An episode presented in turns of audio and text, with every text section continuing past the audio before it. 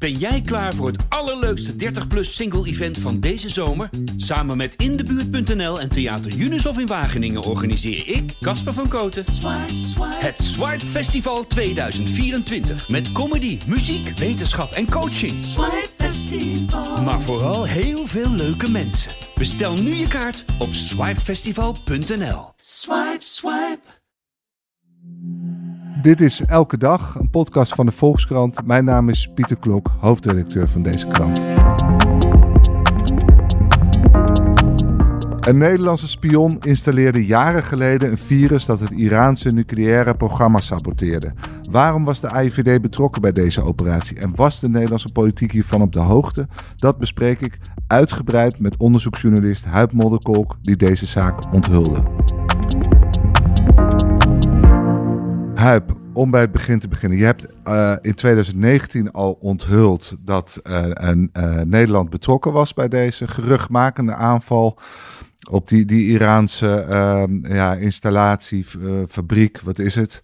Waarom besloot je opnieuw in deze zaak te verdiepen? Ja, omdat er nog heel veel vragen open stonden. Dus Stuxnet is een heel berucht virus. Het is de eerste uh, keer dat zo'n digitaal wapen werd ingezet. Dus het is een, uh, echt een, een uh, markant punt in de geschiedenis van zeg maar, digitale um, oorlog. Daar mm. begon het.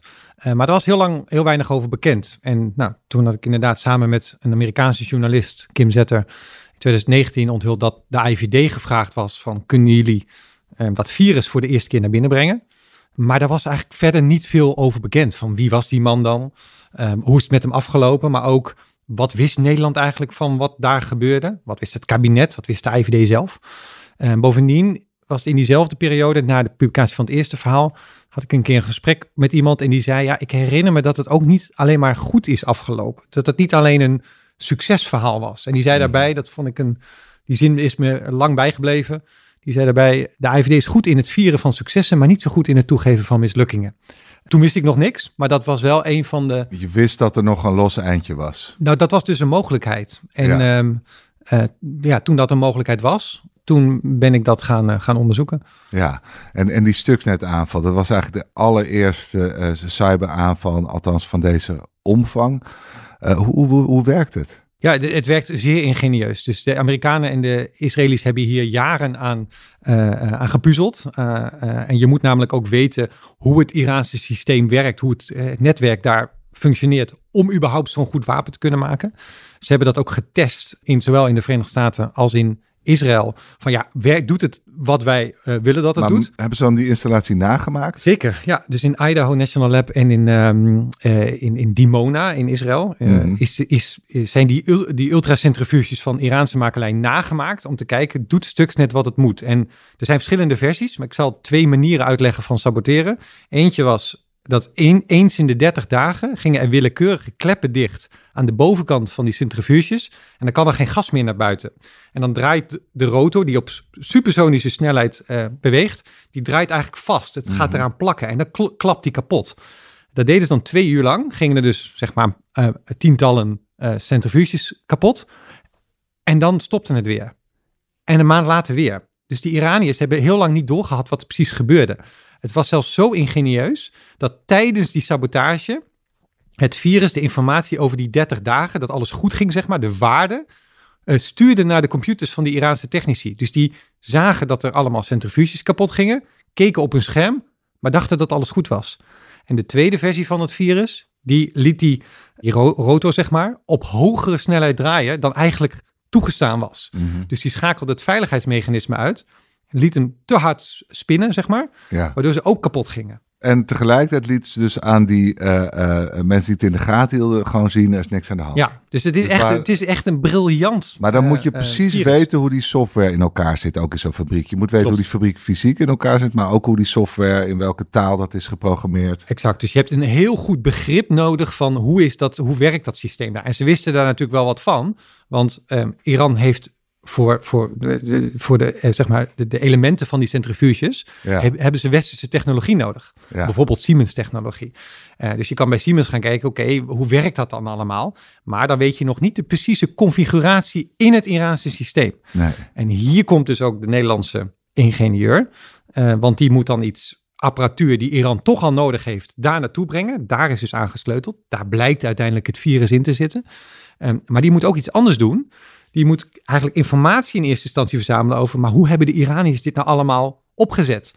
En hoe, hoe ziet het eruit? En, maar waarom wilden Amerika en Israël dit wapen zo graag? Want je kan ook, uh, is er volgens mij ook wel gebeurd, Iraanse atoomgeleerden uitschakelen. Je kan dingen bombarderen. Dat zijn de klassieke methodes. Waarom wilden ze zo graag ook dit wapen inzetten? Ja, dus als je even teruggaat naar 2007, toen was er echt wel uh, grote bezorgdheid in het Westen over dit Iraanse nucleaire programma.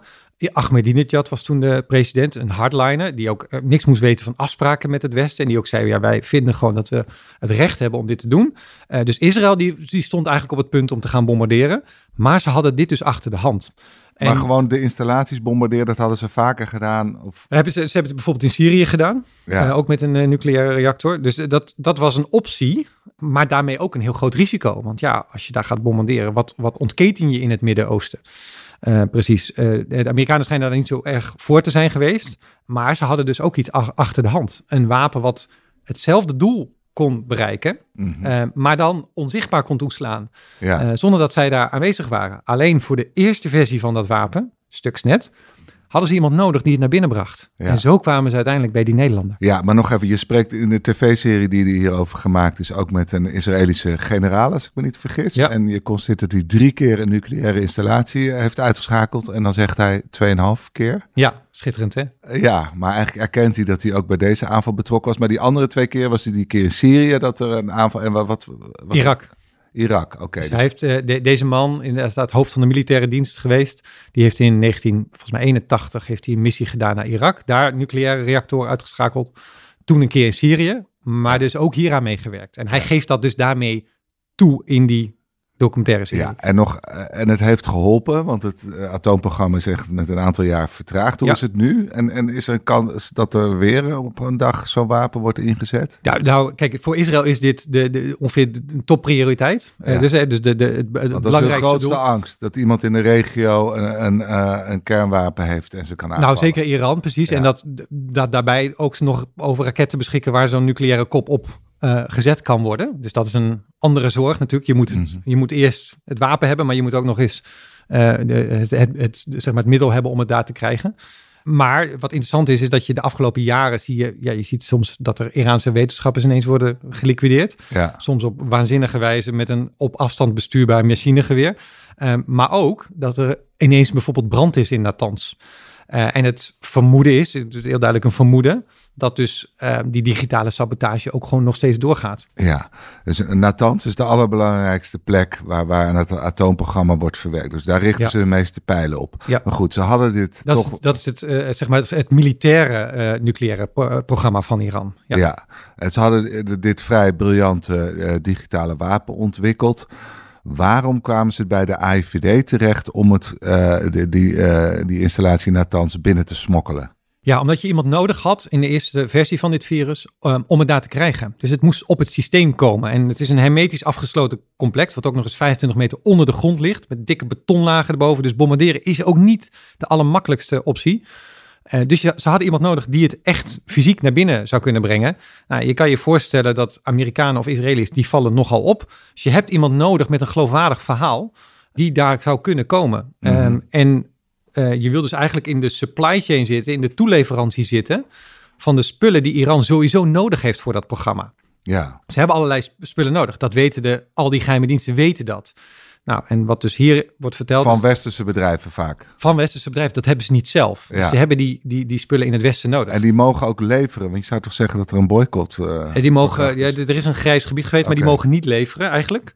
Uh, maar, en dat maakt deze man zo interessant, via Dubai werd er nog wel eens wat geleverd. Okay. En waren er ook wel bedrijven die dat wel eens deden. Waaronder het bedrijf waar deze Erik werkte. En dat weten die geheime diensten, die zien gewoon dat sommige bedrijven nog aan dat... Die hebben daar ofwel kennis over, die gaan zich daarin verdiepen en denken, oké, okay, hoe kan het daar nou komen? Of zijn er mensen die daar bijvoorbeeld werkzaam zijn? Of zijn er mensen, Nederlanders die vaak in Iran komen? hey, ja. dat is een interessant, dat is een interessant persoon. Is die dan geschikt? Is hij slim genoeg? Uh, maar we weten niet precies, maar dus die Erik van Sabbe, waar het uiteindelijk om gaat, hè, die Nederlander die, die dus uh, iets, iets naar binnen heeft gesmokkeld. Hij mhm. wist waarschijnlijk niet precies wat. Denk je dat hij speciaal voor deze missie is geworven of was hij al langer actief voor de geheime dienst? nee, vanuit, voor de Nederlanders is hij speciaal voor deze missie verworven.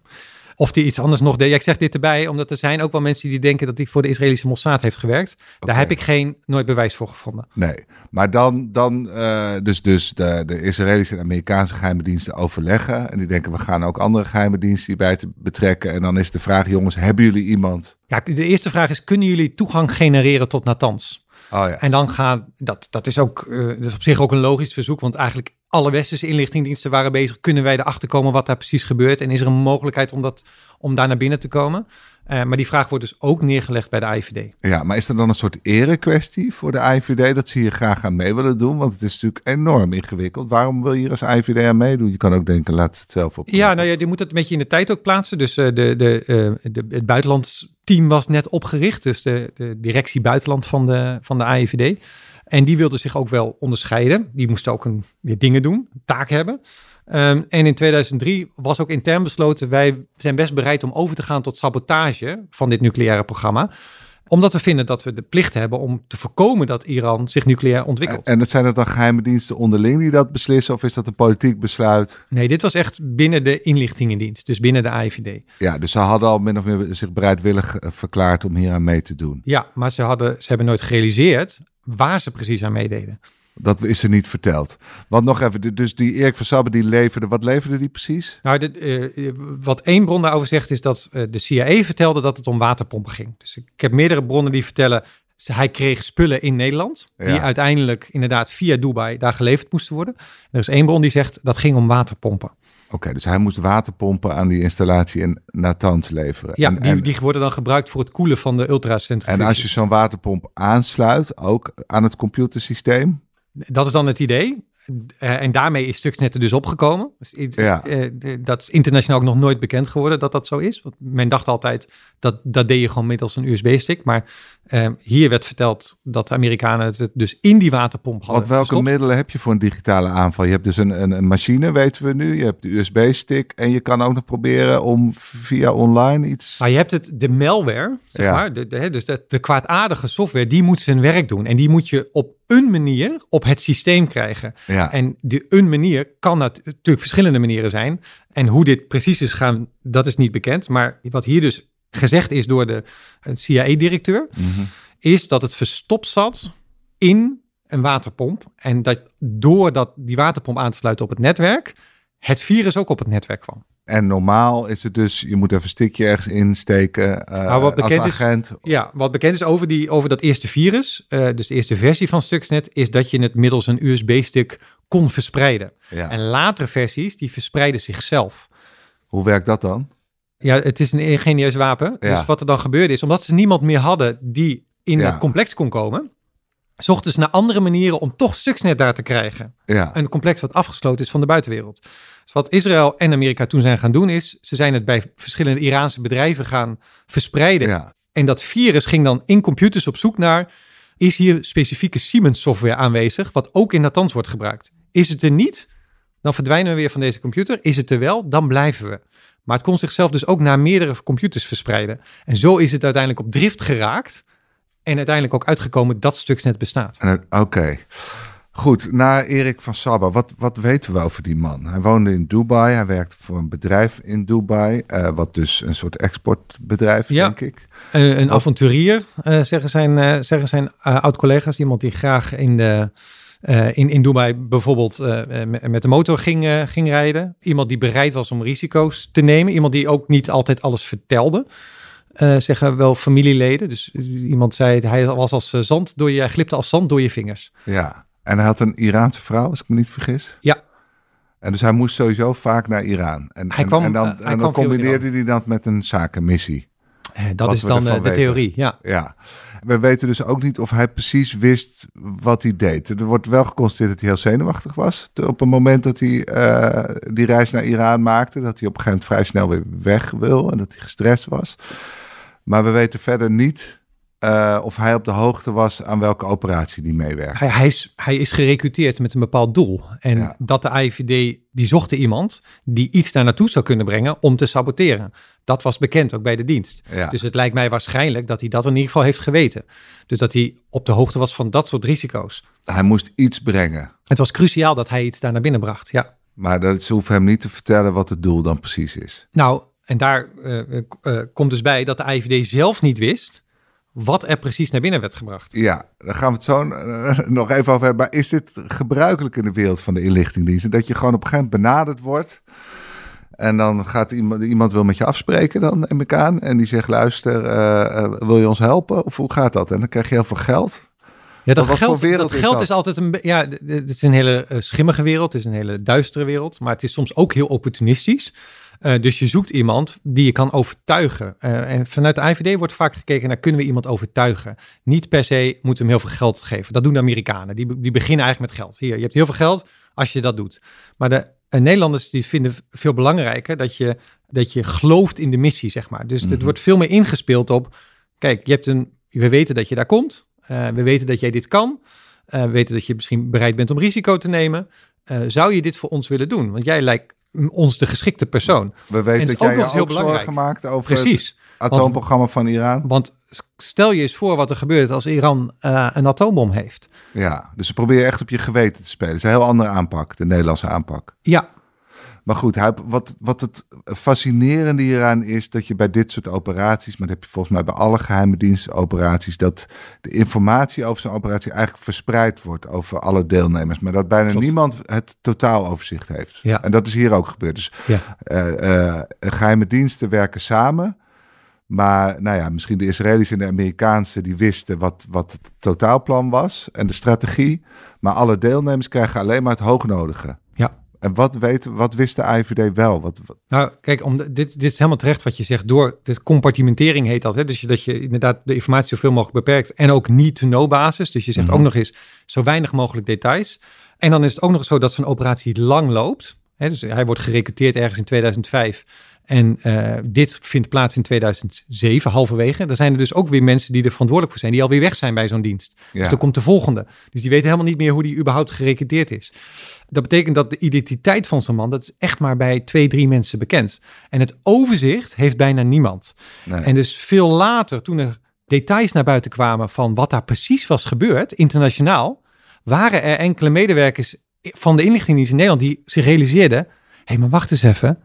We hebben aan iets heel anders meegewerkt. Dat is de reden dat de Amerikanen ons vroegen. Dus toen de details over Stuxnet naar buiten kwamen, ja. realiseerden een aantal medewerkers van de, van de diensten hier zich: hé, hey, maar wacht eens even. We hebben, wij zijn dat geweest. Maar ze weten dat het zo werkt. Want het kenmerk van succesvolle inlichtingoperaties is dat die natuurlijk hoogst geheim blijft. En dat is waarschijnlijk voor elke inlichtingoperatie geldt dat, ook als die door de IVD wordt geïnitieerd. En dat dus iedereen die deelneemt krijgt niet to know. Dus je krijgt alleen eh, te weten wat je voor jouw deel van de operatie moet weten en voor de rest niks. En je mag ook nooit vragen van, maar luister even, waarom doen we dit eigenlijk? Ja, nee, maar nee, uh, ja en nee. Je wil, je wil inderdaad dat informatie zoveel mogelijk beperkt wordt. Maar iedereen zegt hier, dit had de AIVD moeten weten. Ze hadden gewoon moeten doorvragen. Waar doen we eigenlijk aan mee? Ook omdat, en je kunt denken, wat maakt het nou uit? Sabotage of digitale sabotage? Ja.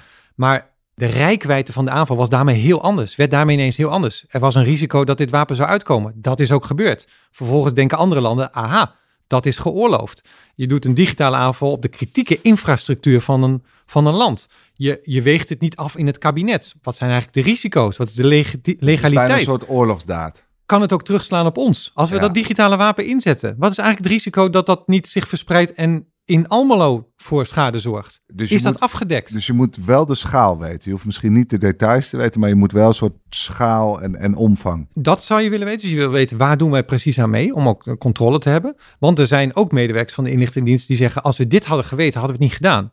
We waren best bereid om over te gaan tot zeg maar simpele sabotage. Maar hiervoor hadden we ons niet willen laten gebruiken. Want dit is eigenlijk opblazen. Nou, het, het, het, is niet eens de, zeg maar, de, de, want het is heel ingenieus gedaan, maar het gaat er gewoon om het simpele feit dat je een nieuw wapen inzet. Dat je, dat, dat je dus besluit, we hebben dit. Mind you, de, de, de directeur van de CIA die hiervoor verantwoordelijk was, die vergeleek het met 1945, augustus 1945. De atoombom. Atoombom. En die zeiden letterlijk bij, iemand heeft een nieuw wapen gebruikt. Hij had dat zelf gedaan. Iemand heeft een nieuw wapen gebruikt. En dat wapen zal niet meer teruggestopt worden in de doos. Met andere woorden, it's out there en al, iedereen gaat het nu gebruiken. Ja. Dus als we het nu hebben over Russische sabotage van kritieke infrastructuur, ja, dat is heel relevant en ernstig, maar dan moet je dus ook weten waar is dit ooit begonnen. Ja, maar tegelijkertijd om zo'n operatie tot succes te maken. Kijk, bij Hiroshima en Nagasaki maakt het niet uit of Japan het wist. Je kan die bom even goed gooien. Maar bij inlichtingoperatie is het natuurlijk voor het slagen van de missie van het grootste belang dat het geheim blijft, omdat je het vrij makkelijk tegen kan verweren. Hè? Want Zeker. Als, als ze het wisten in Iran, dan kunnen ze dit vrij makkelijk uh, pareren. Hetzelfde geldt voor andere inlichtingoperaties, zoals die laatste van de Mossad in, uh, of waarschijnlijk de Mossad in Beirut. Mhm. Heel gerichte aanvallen op de top van Hamas. Dat kan alleen slagen als niemand het weet. Want als je het wel weet, dan gaat die top van Hamas gewoon vrolijk ergens anders heen. En weten ze precies hoe ze het moeten tegen. Dus kun je dit soort operaties wel doen. Uh, als je tegelijkertijd de IVD op de hoogte moet brengen, misschien zelfs de politiek, hè, want daar ging een stuk vanmorgen ook over. Moet je toch bij zo'n ingrijpende operatie niet ook een soort politiek mandaat Zeker. krijgen? Maar Ja. kan dat samen, die twee? Geheimhouding versus goede verantwoording. Ja, nou dat is een hele terechte vraag. Zeker omdat in het digitale tijdperk, door die digitale middelen, zijn die inlichtingendiensten op een andere plek gekomen in dit soort conflicten. Dus je, Dennis Broeders, de hoogleraar eh, Veiligheid aan de Universiteit eh, Leiden, die zegt dat heel mooi. Die zitten onder, net een zone onder de gewapende strijd. Ja, En dat betekent dat zij eh, dus in een nieuw soort eh, veld terecht zijn gekomen, waar er geen oorlog is, maar waar er ook geen vrede is. Dus zij Ja. zitten in, zij bewegen zich in conflicten. Eh, dus dat- eigenlijk door dit wapen worden ze bijna een soort leger. Niet meer alleen een geheime dienst, maar worden een soort oorlogvoerende partij bij. Ja, en, en, en, en de terechte vergelijk- vergelijking, dat is bij het leger beslis je ook van tevoren, oké, wat zijn eigenlijk, wat zijn de voorwaarden? Hè? Wat gaan we hier doen? ja. En daar is wel een politiek debat over. Er is een Ja. politiek gesprek over. En hier gebeurt dat niet. Omdat het heel ondoorzichtig is. eh, maar dat betekent niet dat het niet belangrijk is of dat het geen gevolgen kan hebben. ja. En daarom vind ik deze, eh, dit verhaal zo belangrijk, omdat dit de rijkwijde laat zien. Omdat dit ook inderdaad laat zien hoe moeilijk dan die politieke verantwoording is, maar dat die wel cruciaal is om de risico's bijvoorbeeld af te wegen. ja. Want bijvoorbeeld in Amerika heeft de president dat allemaal wel gedaan. Dus het is een heel legal assessment van oké, wat zijn eigenlijk de risico's als we dit wapen gaan inzetten? Wat doen we eigenlijk als het uitlekt? Eh, kan het op onze kritieke Dat is op infrastructuur? het niveau van Bush slash Obama. Exact, die hebben allemaal persoonlijk deze. dus Sterker nog, toen, toen Obama kwam, was dit een van de eerste dingen die werd overgedragen van Bush naar Obama. Van, je, moet- je moet weten, er wordt aan een heel geheim project gewerkt om het Iraanse kernwapenprogramma te saboteren. En je moet er persoonlijk toestemming voor geven dat we daaraan blijven ontwikkelen. Dus op dat niveau kun je het heel goed bespreken. Je hoeft het Tuurlijk. niet in het congres. eh, daar kan je nog van betogen van oké, dat, dat is lastig. En je hoeft ook niet, kijk, je hoeft bij de politiek niet alle details te delen. Maar ten eerste is het belangrijk dat een inlichtingendienst weet, wat gebeurt hier nou precies? Wat is het risico op uitlekken? Wat is de rijkwijd? Wat is de schaal? Wat willen de Amerikanen? Wat willen de Israëli's? Ja, Want dan kan je een afweging maken. Maar daarnaast eh, wil je ook op zijn minst een politieke afweging. Van oké, maar wat zijn de geopolitieke gevolgen hiervan? ja. Vinden we dat we hier aan mee Maar moeten zijn we dan te veel het schoothondje van Amerika geweest in deze? Eh, ja, dat vind ik altijd lastig omdat ik die conclusie moet, eh, moet eh, trekken. Ja, maar jij niet te trekken. Maar, maar wat ik vanmorgen dacht, van kijk, nog even die legermetafoor. Hè, je besluit, er is dus een welbewust besluit genomen door de Nederlandse, in ieder geval door de Nederlandse inlichtingendiensten. Wij vinden het atoomprogramma van Iran ook een grote Ja. bron van zorg. Wij willen eraan bijdragen dat dat gesaboteerd wordt. Vervolgens geef je eigenlijk de leiding van die operatie uit handen aan Amerika. En net als bij een leger, dan heb je ook vaak eh, als, als legers eh, samen optrekken dat er één generaal is die het voor het zeggen heeft. Maar moeten dan al die landen die deelnemen dan elke keer bij elk besluit betrokken worden? Of zeg je op dat moment, nou ja, nee, we gaan ervan uit dat ze verstandige besluiten nemen. We doen gewoon wat zij zeggen. Nou nee, want je bent verantwoordelijk ook voor bijvoorbeeld alleen al degene die het doet. Dus zij recruteren die agent Ja, met het idee, een eigen, dat, iemand zei dat letterlijk, een eigen bron, een eigen persoon, is ook controle. Dus je Ja. doet dat juist vanuit, we willen best bijdragen, maar dan willen we niet, dan willen we ook alles weten. Dus Ja. de grap is dat ze juist hier dachten, we hebben een eigen ge- agent gerecruiteerd, dus wij weten wat we doen. En uiteindelijk bleken ze niet te weten ja, wat er en gebeurt. zij zijn ook verantwoordelijk voor die agent natuurlijk. En voor de risico's die Ja, hij loopt. Ja. Want uiteindelijk, eh, daar refereerde je aan het begin, toen, toen een van de eh, mensen die jij sprak zei, het is niet helemaal goed afgelopen met deze missie. Hoe is het afgelopen met deze agent? Eh, ja, hij is, hij is overleden. Ja. Ja, En aanvankelijk dacht jij misschien, of dachten anderen ook, dat dat eh, niet helemaal toevallig was. Nou, dit is een jarenlange zoektocht geweest. Die ook te zien is in een, eh, in een documentaire. Wat, ja. uh, waardoor je heel, waardoor je ook ziet, en dat laat iets zien over deze wereld. Waardoor je uh, ziet dat zo'n onderzoek in de inlichtingendienst niet heel vanzelfsprekend of een heel makkelijk iets is. Dus het mm -hmm. gaat allerlei kanten op. Er zijn allerlei theorieën gepasseerd. Ik ben op heel verschillende interessante plekken gekomen. Maar uiteindelijk inderdaad erachter gekomen dat hij is overleden bij een motorongeluk. Wanneer was dat? Begin 2009. Oké, okay, dus vrij... Of twee... Anderhalf jaar na, na deze missie. Ja, maar hoe, hoe, weet je zeker dat het een ongeluk was? Nou, dat weet ik nooit zeker, want ik was er niet bij. Uh, maar ik heb heel veel mensen gesproken, uh, ook mensen die erbij waren. Uh, dat ga je ook zien in de, in de, in de documentaire. En die konden mij, vond ik wel overtuigend genoeg duidelijk maken dat alles leek op een ongeluk. Oké. En dat is ook het meest waarschijnlijk scenario met wat jij weet van inlichtingendiensten? Of, of komt het inderdaad voor dat ze, als ze niet willen dat onthuld wordt hoe een operatie uiteindelijk is vormgegeven, dat er wel eens iemand moet sneuvelen om dat geheim te bewaren? Ja, maar ik denk dat als je een signaal, dus stel dat Iran hier achter zit, ik denk dat als je een signaal wil afgeven, uh, wij weten wie dit heeft gedaan en wij willen wraak nemen, ja. dat je het niet zo doet dat eigenlijk niemand weet dat je wraak hebt genomen. Nee, dan wil je dat ook dat het gekend uh, wordt. Lijkt mij. En het andere scenario, dat, dat de geheime dienst niet wilde dat hij dingen ging vertellen? Uh, ja, zou ook mogen, maar ook hier weer, de, het is wel een hele gecompliceerde manier en er zijn heel veel redenen om aan te nemen dat dit gewoon echt een ongeluk was. Oké, okay, nou dan houden we ons daar maar vast. Huip, mag ik je heel erg danken voor je heldere verhaal.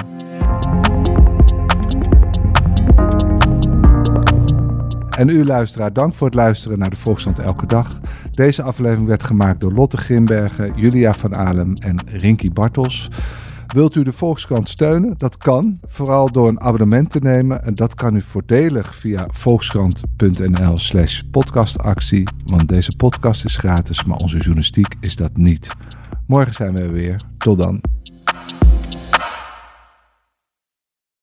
Ben jij klaar voor het allerleukste 30-plus single-event van deze zomer? Samen met Indebuurt.nl en Theater Junushof in Wageningen organiseer ik, Casper van Koten, Swipe, Swipe. het Swipe Festival 2024. Met comedy, muziek, wetenschap en coaching. Swipe Festival. Maar vooral heel veel leuke mensen. Bestel nu je kaart op swipefestival.nl. Swipe, swipe.